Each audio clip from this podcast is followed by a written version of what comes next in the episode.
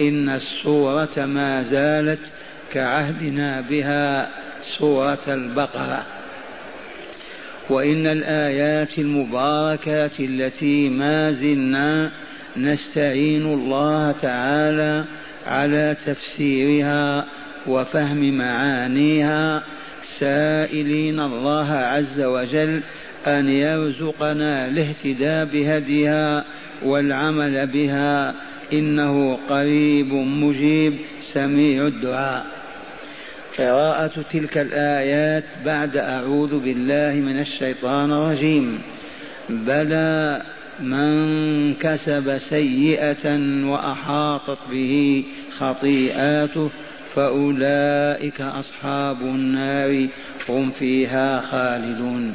والذين آمنوا وعملوا الصالحات أولئك أصحاب الجنة هم فيها خالدون. وإذ أخذنا ميثاق بني إسرائيل لا تعبدوا إلا الله وبالوالدين إحسانا وذي القربى واليتامى والمساكين وقولوا للناس حسنا وأقيموا الصلاة وآتوا الزكاة ثم توليتم إلا قليلا منكم وأنتم معرضون. إلى آخر ما جاء في هذا السياق القرآني المبارك الكريم.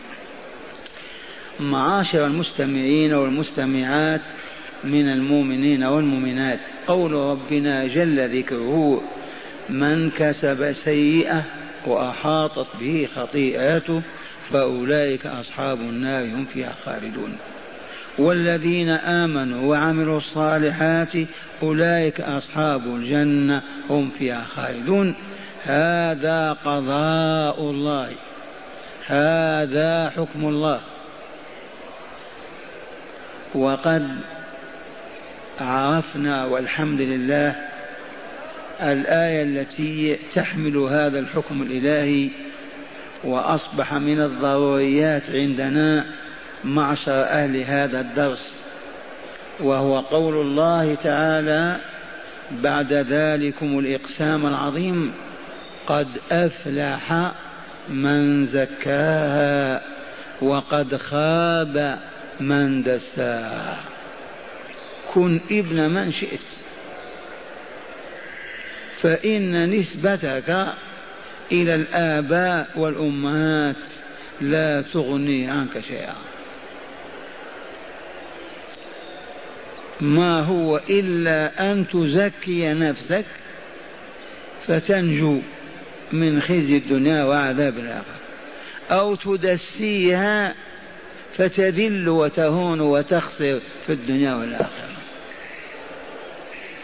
أعيد هذا الحكم وتأملوه وأعيدوه وتحدثوا به وبلغوه اليهود والنصارى والمجوس والمشركين إذ الكل عبيد لله خلقهم ورزقهم وإليه مصيرهم أحب أم كرهوا. تجاهلهم لا يجدي ولا ينفعهم مخلوقون مربوبون. يجب أن يتعرفوا إلى خالقهم وربهم. وهذا حكمه فيهم. بعد أن أقسم تعالى بأعظم إقسام والشمس وضحاها والقمر إذا تلاها والنهار إذا جلاها والليل إذا يغشاها والسماء وما بناها والأرض وما طحاها ونفس وما سواها فألهمها فجورها وتقواها. تسع إيمان حتى أقسم بنفسه. على ماذا أقسم؟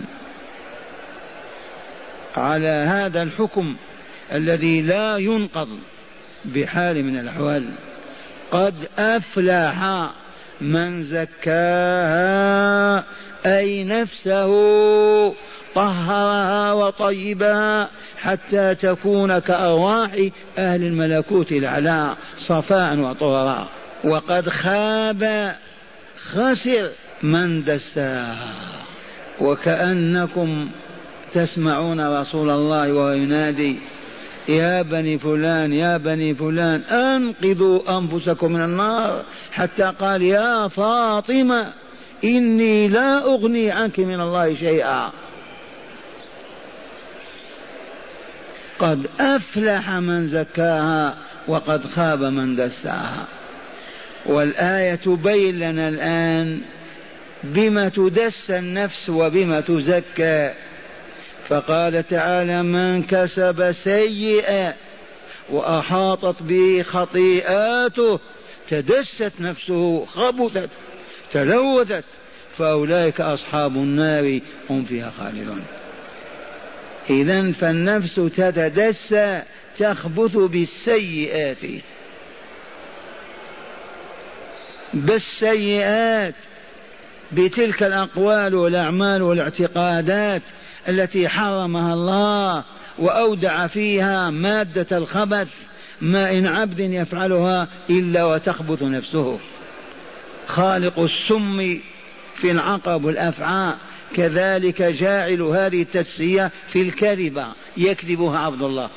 وبما تزكو النفس قال والذين آمنوا وعملوا الصالحات أولئك أصحاب الجنة هم فيها خالدون. فبين لنا بما تزكو النفس بالإيمان والعمل الصالح. سبحان الله العظيم. أبعد هذا نطلب مزيدا. أيحلف الجبار على أن من زكى نفسه فاز. زحزح عن النار وأدخل الجنة. ومن دساها خاب خسر. وبين لنا الفوز بقوله فمن زحزح عن النار وأدخل الجنة فقد فاز. وبين التسية أيضا ومعنى الخسران فقال ألا إن الخاسر قل إن الخاسرين الذين خسروا أنفسهم وأهليهم يوم القيامة. ألا ذلك هو الخسران المبين؟ ألا ذلك هو الخسران المبين؟ والآن معاشر المؤمنين والمؤمنات هذه الآية وإن كانت تخاطب بني إسرائيل اليهود الذين يجادلون رسول الله في المدينة. لما ادعوا تلك الدعاوى أبطلها الله. لا قيمة للنسبة. بلى ليس الأمر كما تدعون. كيف إذا يا الله؟ من كسب سيئة وأحاطت به خطيئاته لأن الخطايا ما تأتي إلا بعد أن تكون خطيئة. فلهذا إذا اقترفت ذنبا عجل. بالتوبة. وإلا ستتوالى الخطايا التوبة تجب على الفور بإجماع هذه الأمة. لأنك إذا أذنبت وتساهلت سوف تتوالى الخطايا وتحوط بنفسك وحينئذ فرغ منك. لم ينفعك شيء. وأحاطت به خطيئاته أولئك البعداء أصحاب النار هم فيها خالدون. النار عالم ما عالمنا هذا إليه إلا كقطرة ماء في المحيطات الخمس. فقط اللسان يقول النار. وقد رفعت رؤوسكم إلى كوكب الشمس المضيء الملتهب. أكبر من الأرض بمليون ونصف مليون مرة. لو كان هو النار لن تملأه البشرية ولو كانت مثل هذا خمسين مرة. لكن هذا الكوكب سيحترق وينطفي. النار وراء ذلك.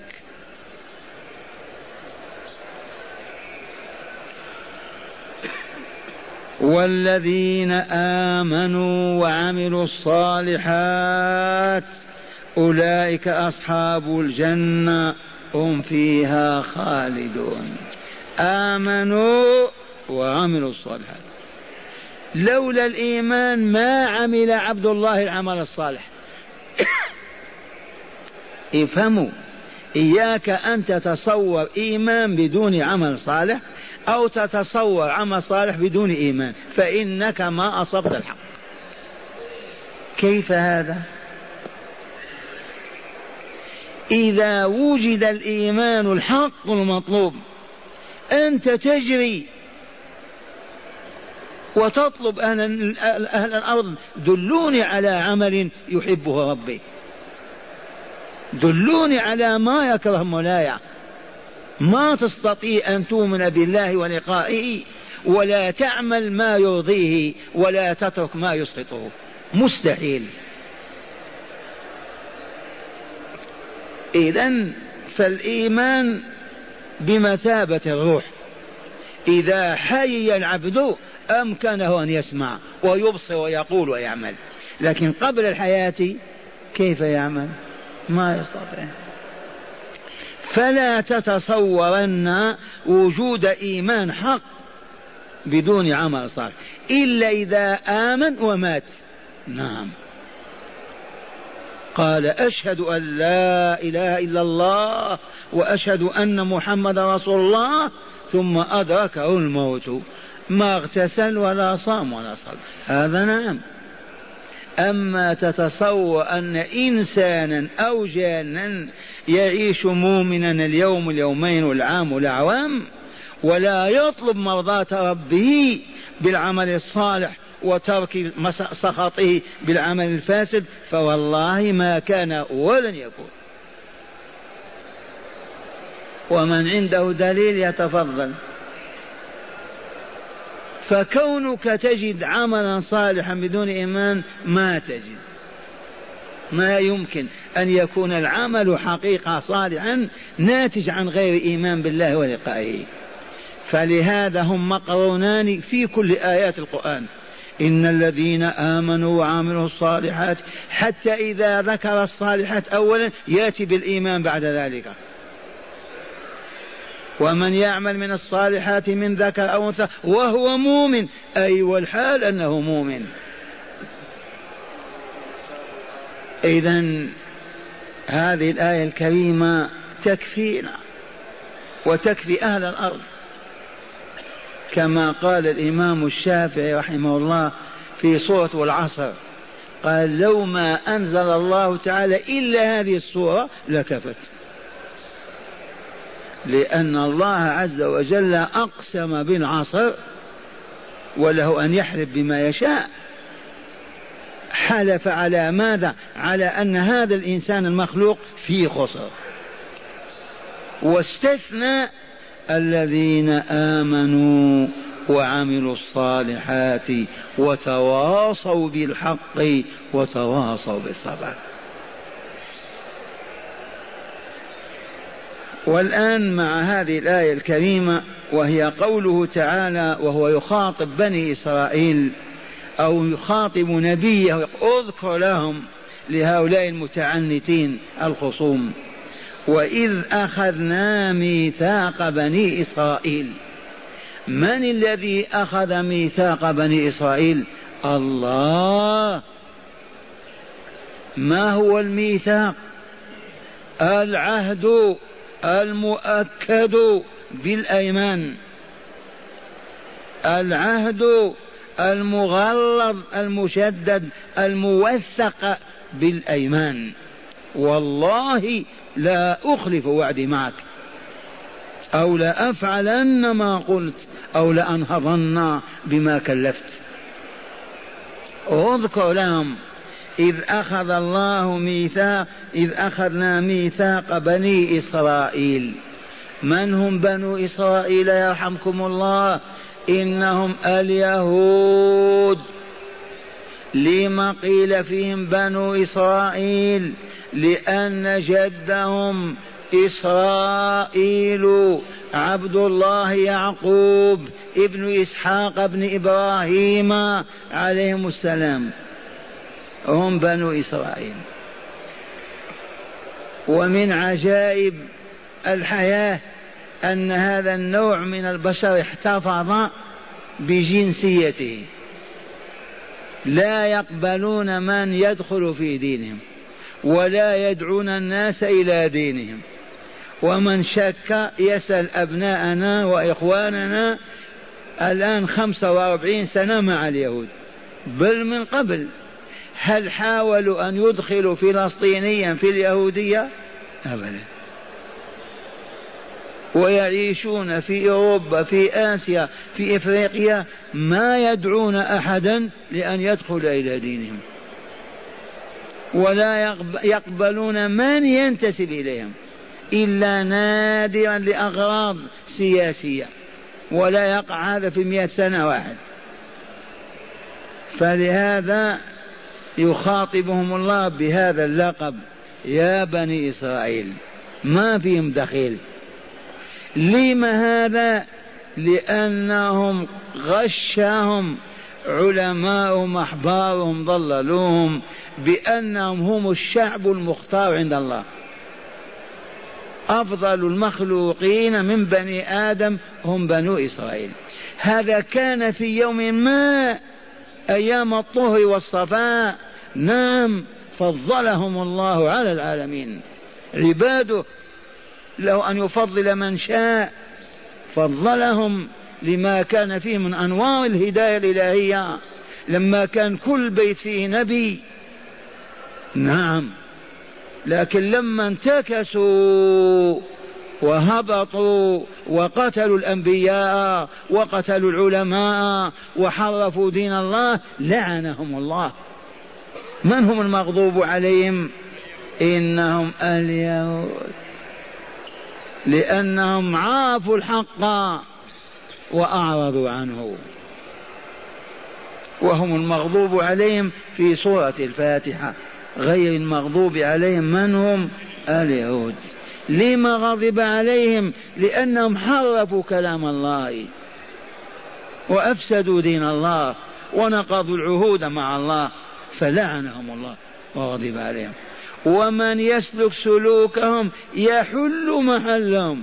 إذ البشرية كلها جنس واحد كلكم لآدم وآدم من تراب. لا فضل لعربي على عجمي ولا لأبيض على أسود إلا بالتقوى. لما التقوى؟ لأنها تزكية النفس وتطهيرها. المتقي ذاك الذي يعمل بمزكيات نفسه ومطهراتها من الإيمان والعمل الصالح ويعيش يتهرب يتجنب من مدسيات النفس من الشرك والمعاصي. فليكن هذا ما يكون هذا ولي الله هذا الذي ينزل الملكوت الأعلى سواء كان أبيض أو أسود. وإذ أخذنا ميثاق بني إسرائيل ما مضمون هذا الميثاق؟ ما هي بنوده ومواده من الجائز أن تكون الوصايا العشر. تعرفون شيئا عن الوصايا العشر؟ هذه يعتز بها اليهود اليوم ومنذ عهد موسى. ولكن اعتزاز المسلمين اليوم ومنذ ألف سنة بالقرآن اعتزازا عظيما. ولا عمل. فاليهود إلى الآن واتصلوا بهم ودارسوهم تجدهم معتزين اعتزاز بالوصايا العشر. وصايا الرب تعالى. وأخذ عليهم فيها العهد والميثاق. ونحن أعطانا الوصايا العشر وزادنا عشرات بل مئات فهل أخذنا بتلك الوصايا؟ اسألوا المؤمنين هل عرفوها؟ أين هذه الوصايا؟ عشر وصايا. تعدل وصايا بني إسرائيل وتفوق بحسب مستوانا وقربنا من ربنا تسمعونها لتعرفوا هل أنتم نفذتم الوصايا ولا لا؟ أو ما لكم حاجة؟ امشي يا شيخ ما لنا حاجة. أعوذ بالله. كيف نأكل ونشرب ونحيا إذا ونحن لا نعرف هل مرضي عنا أم مسقوط علينا.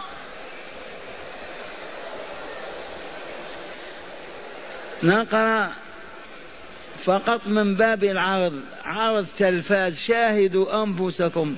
هل طبقتم هذه الوصايا العشر أو بقيت وصية ما كملناها؟ الليلة نعزم ونصحح العزم على أن نطبقها. إذ ليست وصايا من الصعوبة أنها مستحيلة لا أبدا. ما كلفنا الله بما نعجز عنه. جاءت هذه الوصايا العشر من سورة الأنعام. تعرفون عن الأنعام وإلا لا؟ الإبل البقر الغنم. ذي الأنعام. سورة تسمى سورة الأنعام. هذه السورة لما نزلت جملة واحدة زفها سبعون ألف ملك نزلوا معها. وكم صار طالبنا وصحنا عشرات السنين. هذه الصورة يجب أن يفرض حفظها ودراستها في كل معهد في كل مدرسة في كل كلية في العالم الإسلامي. ومع هذا أسمعت لو ناديت حيا ولكن لا حياة لمن تنادي. بسم الله الرحمن الرحيم. قل تعالوا أتل ما حرم ربكم عليكم. انظر إلى أصابعي. ألا تشركوا به شيئا. وبالوالدين إحسانا. ولا تقتلوا أولادكم من إملاق. نحن نرزقكم وإياهم ولا تقربوا الفواحش ما ظهر منها وما بطن ولا تقتلوا النفس التي حرم الله إلا بالحق. ذلكم وصاكم به لعلكم تعقلون. ولا تقربوا مال اليتيم إلا بالتي هي أحسن حتى يبلغ أشد وأوفوا الكيل والميزان بالقسط. لا نكلف نفسا إلا وسعها. وإذا قلتم فاعدلوا ولو كان ذا قربى وبعهد الله أوفوا. ذلكم وصاكم به لعلكم تذكرون وأن هذا صراطي مستقيما فاتبعوه ولا تتبعوا السبل فتفرق بكم عن سبيله. ذلكم وصاكم به لعلكم تتقون. لمن هذه الوصايا؟ أليست للمؤمنين المسلمين؟ كم وصية؟ عشر. والشاهد عندنا ليس بنو إسرائيل وحدهم أخذت عليهم المواثيق والعهود. نحن أكثر منهم.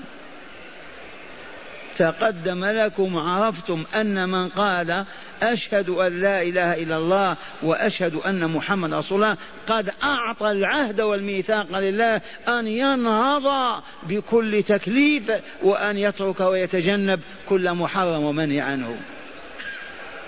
وإلا خان عهده ونقضه. إذا وإذ أخذنا ميثاق بني إسرائيل بنوده أولا لا تعبدون إلا الله. أول بند هو ماذا؟ ألا يعبدوا إلا الله. وهذا لازم أن يعبدوا الله أولا ثم لا يعبدون معه غيره. ليس معناه لا تشرك فقط.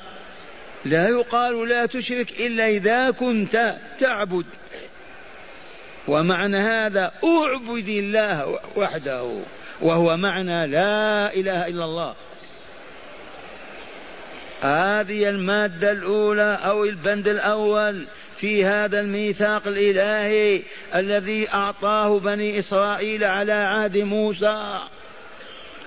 لا تعبدون إلا الله.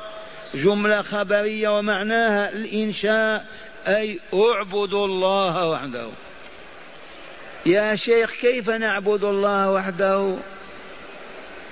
الجواب اسأل أهل العلم بما يعبد الله وكيف يعبد.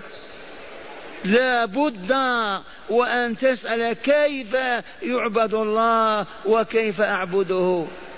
ومن لم يسأل لم يعرف ومن لم يعرف هل يقال فيه عبد الله؟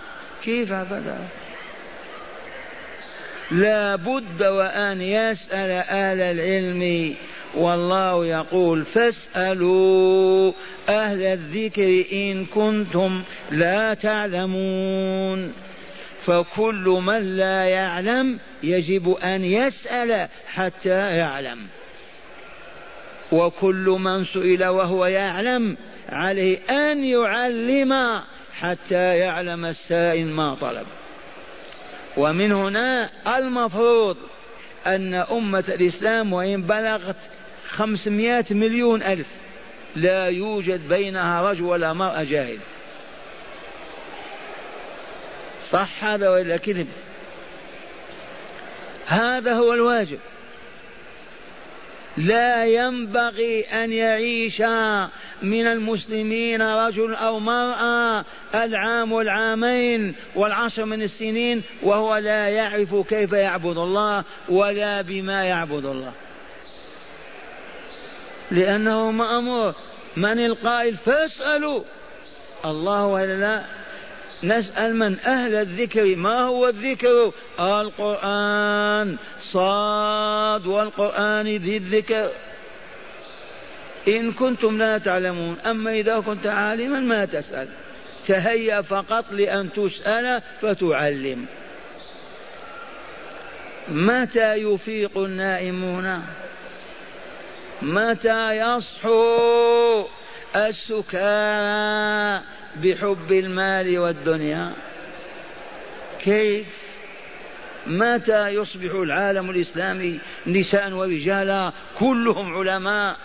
يعني يعرفون ربهم. معرفة تثمر لهم حبه في قلوبهم فيحبون الله أكثر من أنفسهم وأموالهم وأهليهم وتثمر لهم خشيته في قلوبهم فيرهبونه ويرتعدون من ذكره ثم يطيعونه.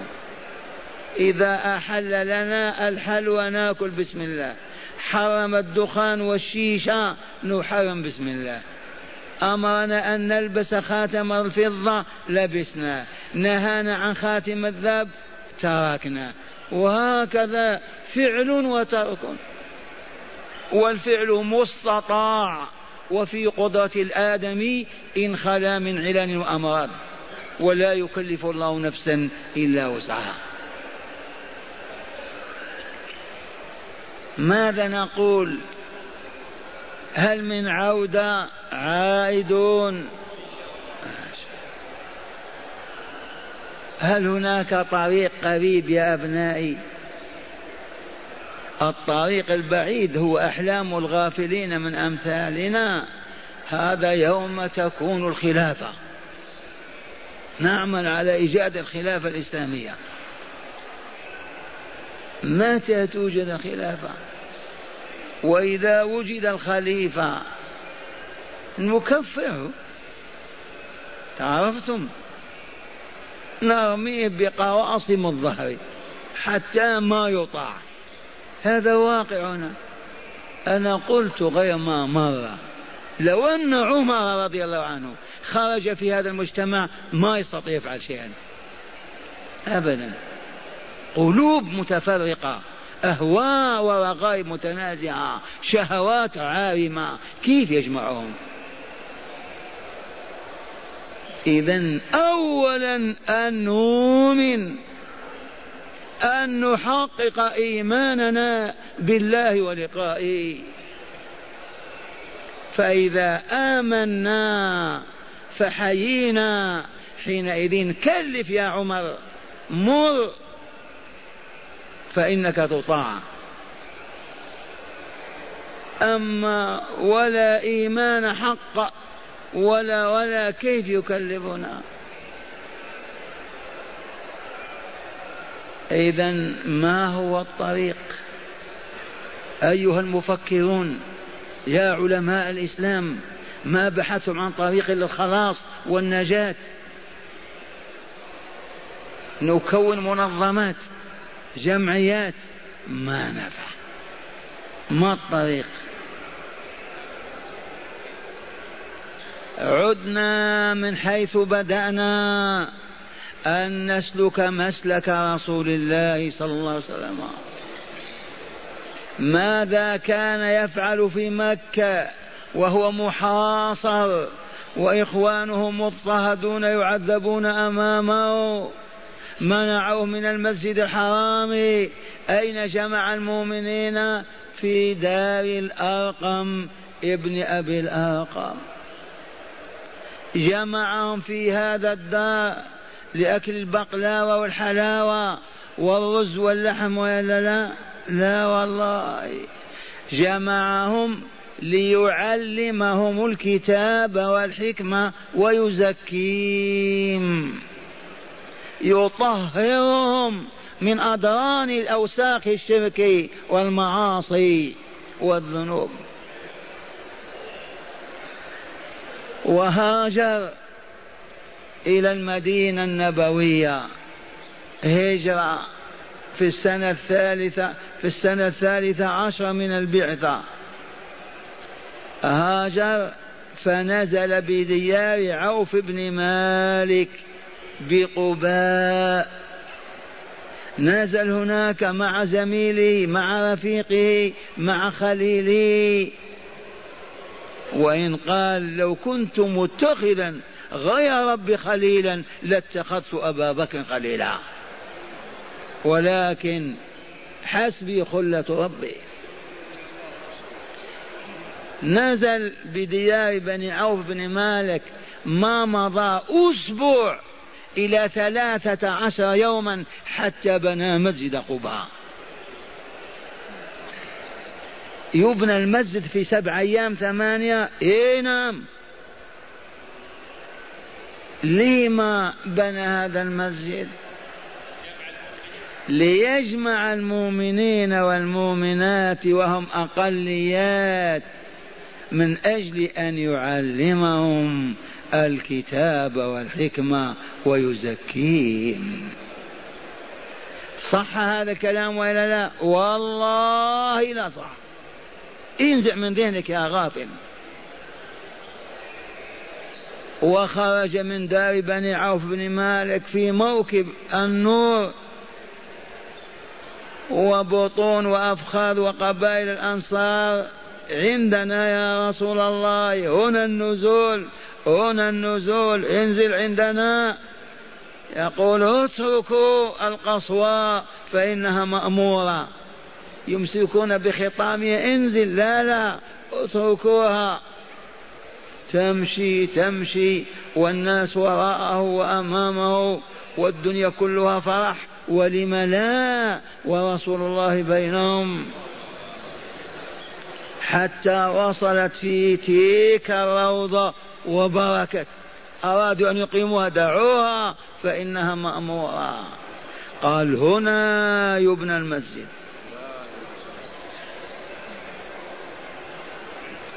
ودار أبي أيوب بينه وبين عشرة أمتار أقل خمسة أمتار أو ستة.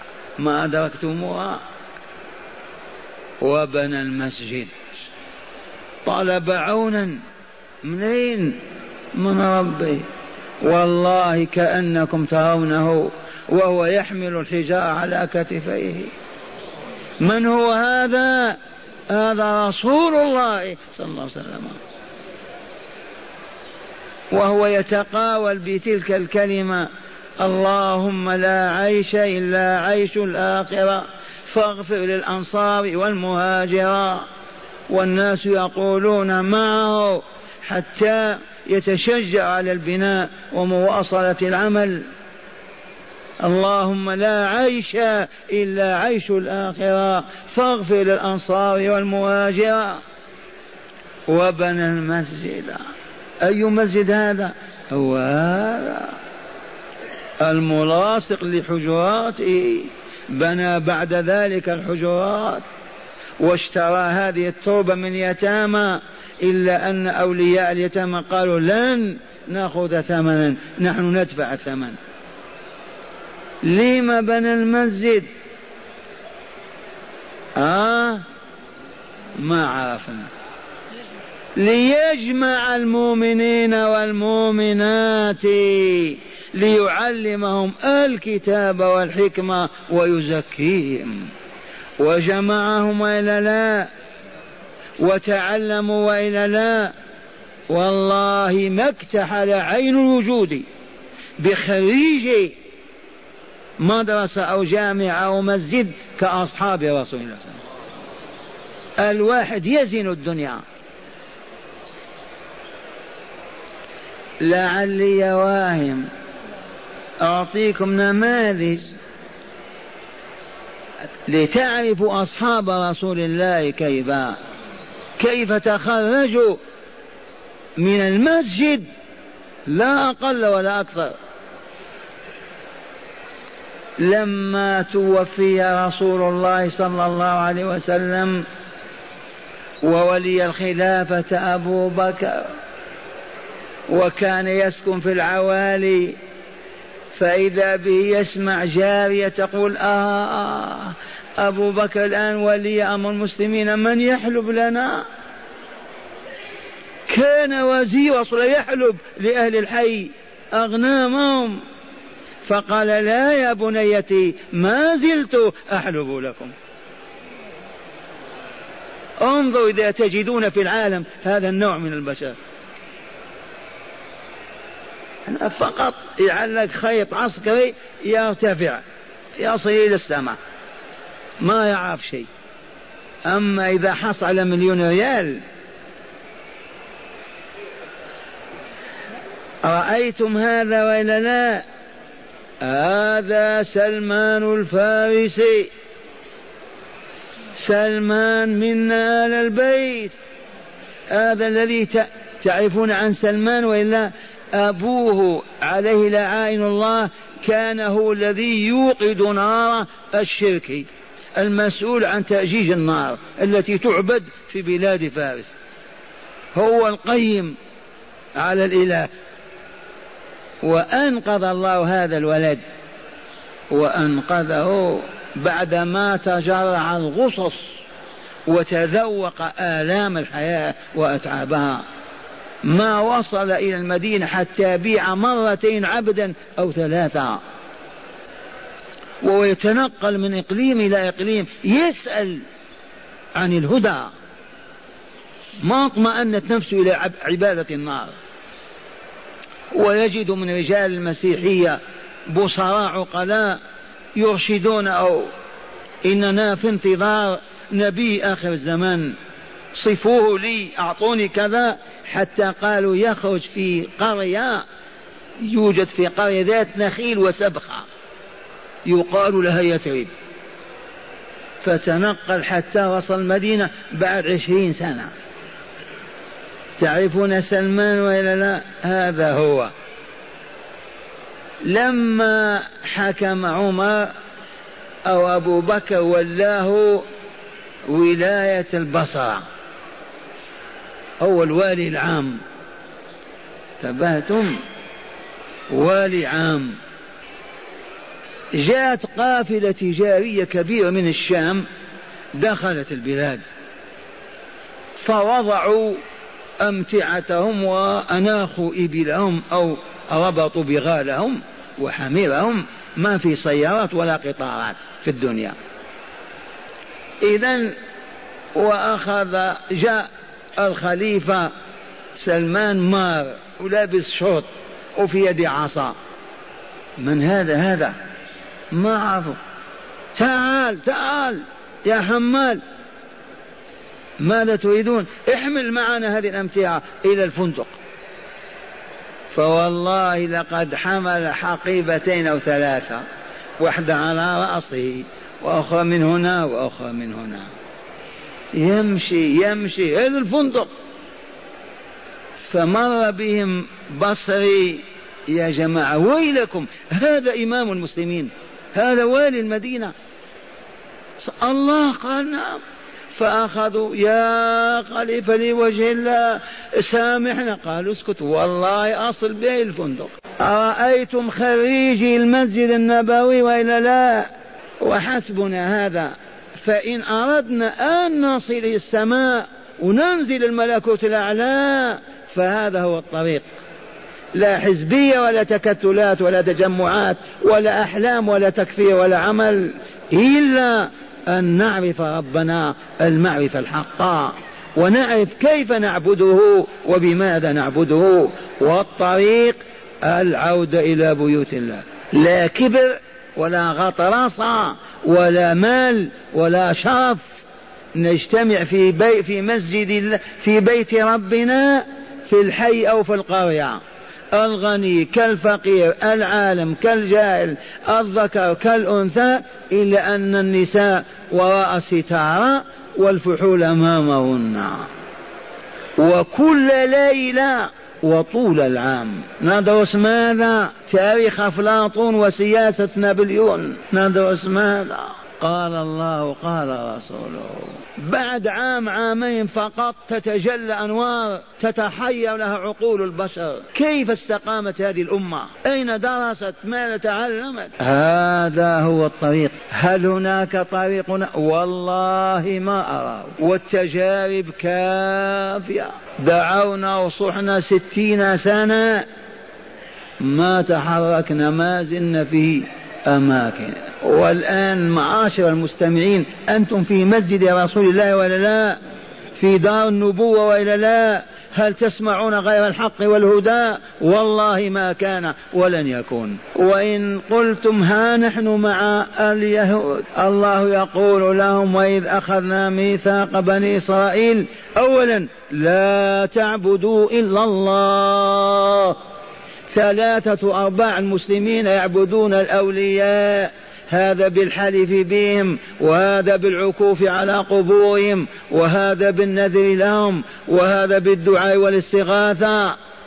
وإن خف هذا نوعا ما لانتشار الدعوة ثلاثة أرباع المسلمين لا يفكرون في لقاء ربهم ولا يسألون عن محابه ولا مساخطه ولا ما هو المصير ولا المنتهى مشغولون بالطعام والشراب والنساء. وهكذا. كيف إذا نعود من جديد؟ المسجد. وكتاب المسجد وبيت المسلم هذه الحيلة التي يسرها الله وأعلناها للمسلمين قرابة العامين الآن.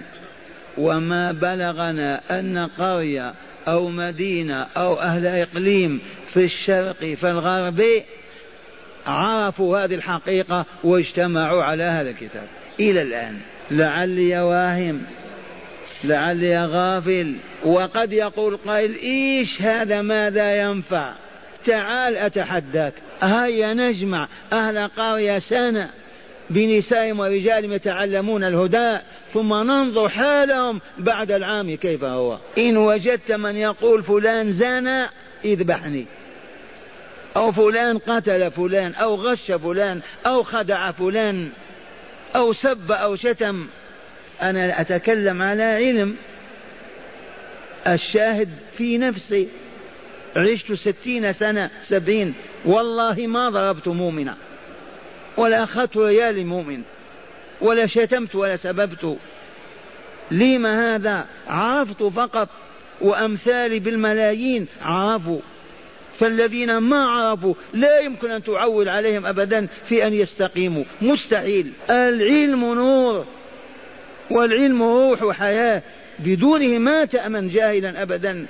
ومن شك ينظر أحوال المسلمين. حكام وزراء مسؤولين كل دولة فيها عشرات المسؤولين. وزارة المال وزارة الصحة وزارة كذا وكذا وكذا وزارة التعليم. أين آثار ذلك؟ لأنهم ما هم بأهل ما هم بصراء ما هم واعون ما هم عارفون بالله ما يبكون من خشيته ما يبيتون يتململون ودموعهم تسيل يطلبون رضا الله. كيف تعول عليهم؟ كيف يستقيمون؟ لا تعبدوا إلا الله وبالوالدين إحسانا. الإحسان إلى الوالدين. من سأل كيف أحسن إلى والدي؟ ومن هم والداي؟ ذكران أو إناث أو أب وأم. الوالدان الأم والأب. الأم يقال لها الوالد والوالدة أيضا. يجوز كالحائض. إذ ما في رجل حائضة حائض حتى أقول مرأة حائضة حائض. كذلك هل يوجد رجل يلد؟ من بطنه ما يوجد. إذا المرأة قول فيها الوالد هذه الوالد. بمعنى الوالدة ما هو الإحسان إلى الوالدين؟ في أربع كلمات أو ثلاث أولا إيصال الخير إليهما. تصل بالخير إليهما. ما الخير؟ الطعام الشراب الكساء السكنى المروحة. كل خير تصل به إليهم. ثانيا كف الأذى عنهما. حتى ولو كان كلمة غضب أف فلا تقل لهما أف.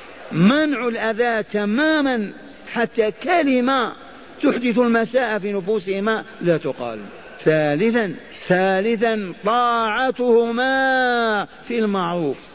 إذا قالت أمك طلق هذه ما تصلح عندنا طلقها. لما؟ هل عرفتم أن إبراهيم عليه السلام قال لإسماعيل غير عتبة بابك فغير وإلا لا جاء إبراهيم من الشام من القدس يتعهد تركة ولده إسماعيل في الوادي الأمين. وقد تزوج جرهمية إذ نزلت هذه القبيلة عندهم فجاء فسأل أين بعلك أين زوجك؟ قالت ذهب يطلب لنا رزق. منين؟ يصيد يجيب غزال أرانب إذ ما عندهم إلا اللحم والماء فقط لا عنب ولا فاكهة ولا خبز. وإلى الآن يقول أهل العلم يستطيع أهل مكة أن يعيشوا على اللحم والماء ولا يستطيع أي شعب أو بلد يعيش على هذا ما زمزم واللحم. فقال كيف حالكم؟ قالت إننا في بؤس إننا في شقاء إننا في كذا. قال لها إذا جاء زوجك اقرئيه السلام وقولي له يغير عتبة بابه. جاء إسماعيل بعد يوم ويومين في الصحارى يحمل الغزلان والظبا السلام عليكم وعليكم السلام. هل زارنا أحد؟ فراسة. تباشير النبوة. قالت نعم. ماذا قال؟ قالت يقرئك السلام ويقول لك كذا وكذا.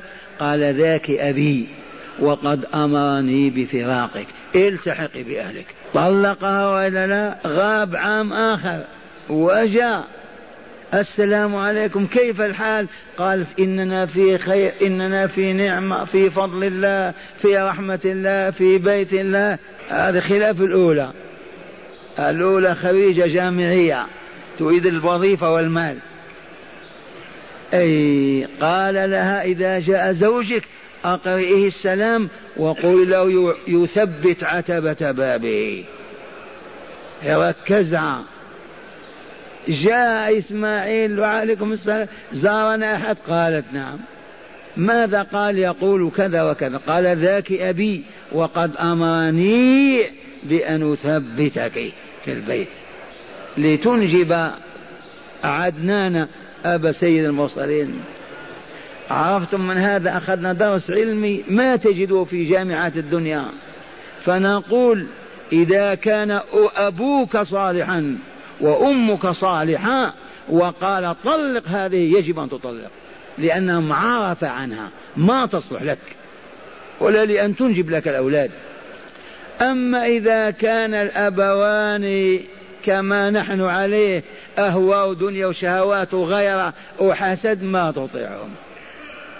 طلق ما نطلق لما أطلق ومؤمنة تقية صالحة متحجبة لما أطلقها؟ فهمتم هذه النقطة خير من خمسين كيلو جرام ذهب. لمن يعلم ويعي ويحفظ.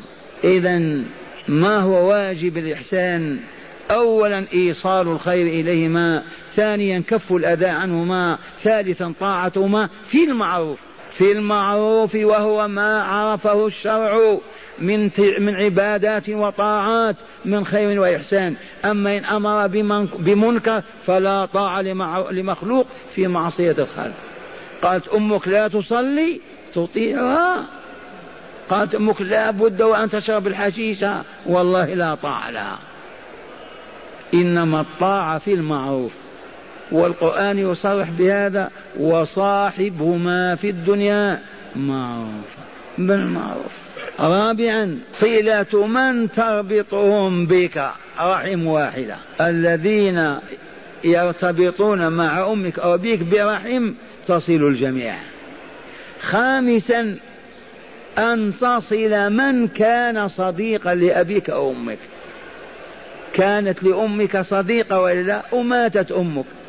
فزرتها فوجدتها. ينبغي أن تحسن إليها وتكرمها لأنها صديقة أمك. وجدت أن فلان كان صديق لأبيك رحمة الله عليه. تحبه وتكرمه وتبجله وتعظمه لأنه كان صديقا لوالدك. وانظر هذا المنظر.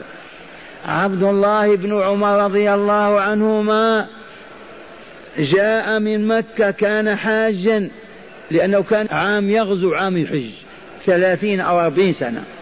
هو عايد نام وإذا ببدوي قال يا مؤمن أعطني شيئا نظر إليه من أنت؟ قال أنا ابن فلان صديق عمر. فأعطاه عمامة كان يربط بها رأسه في الليل.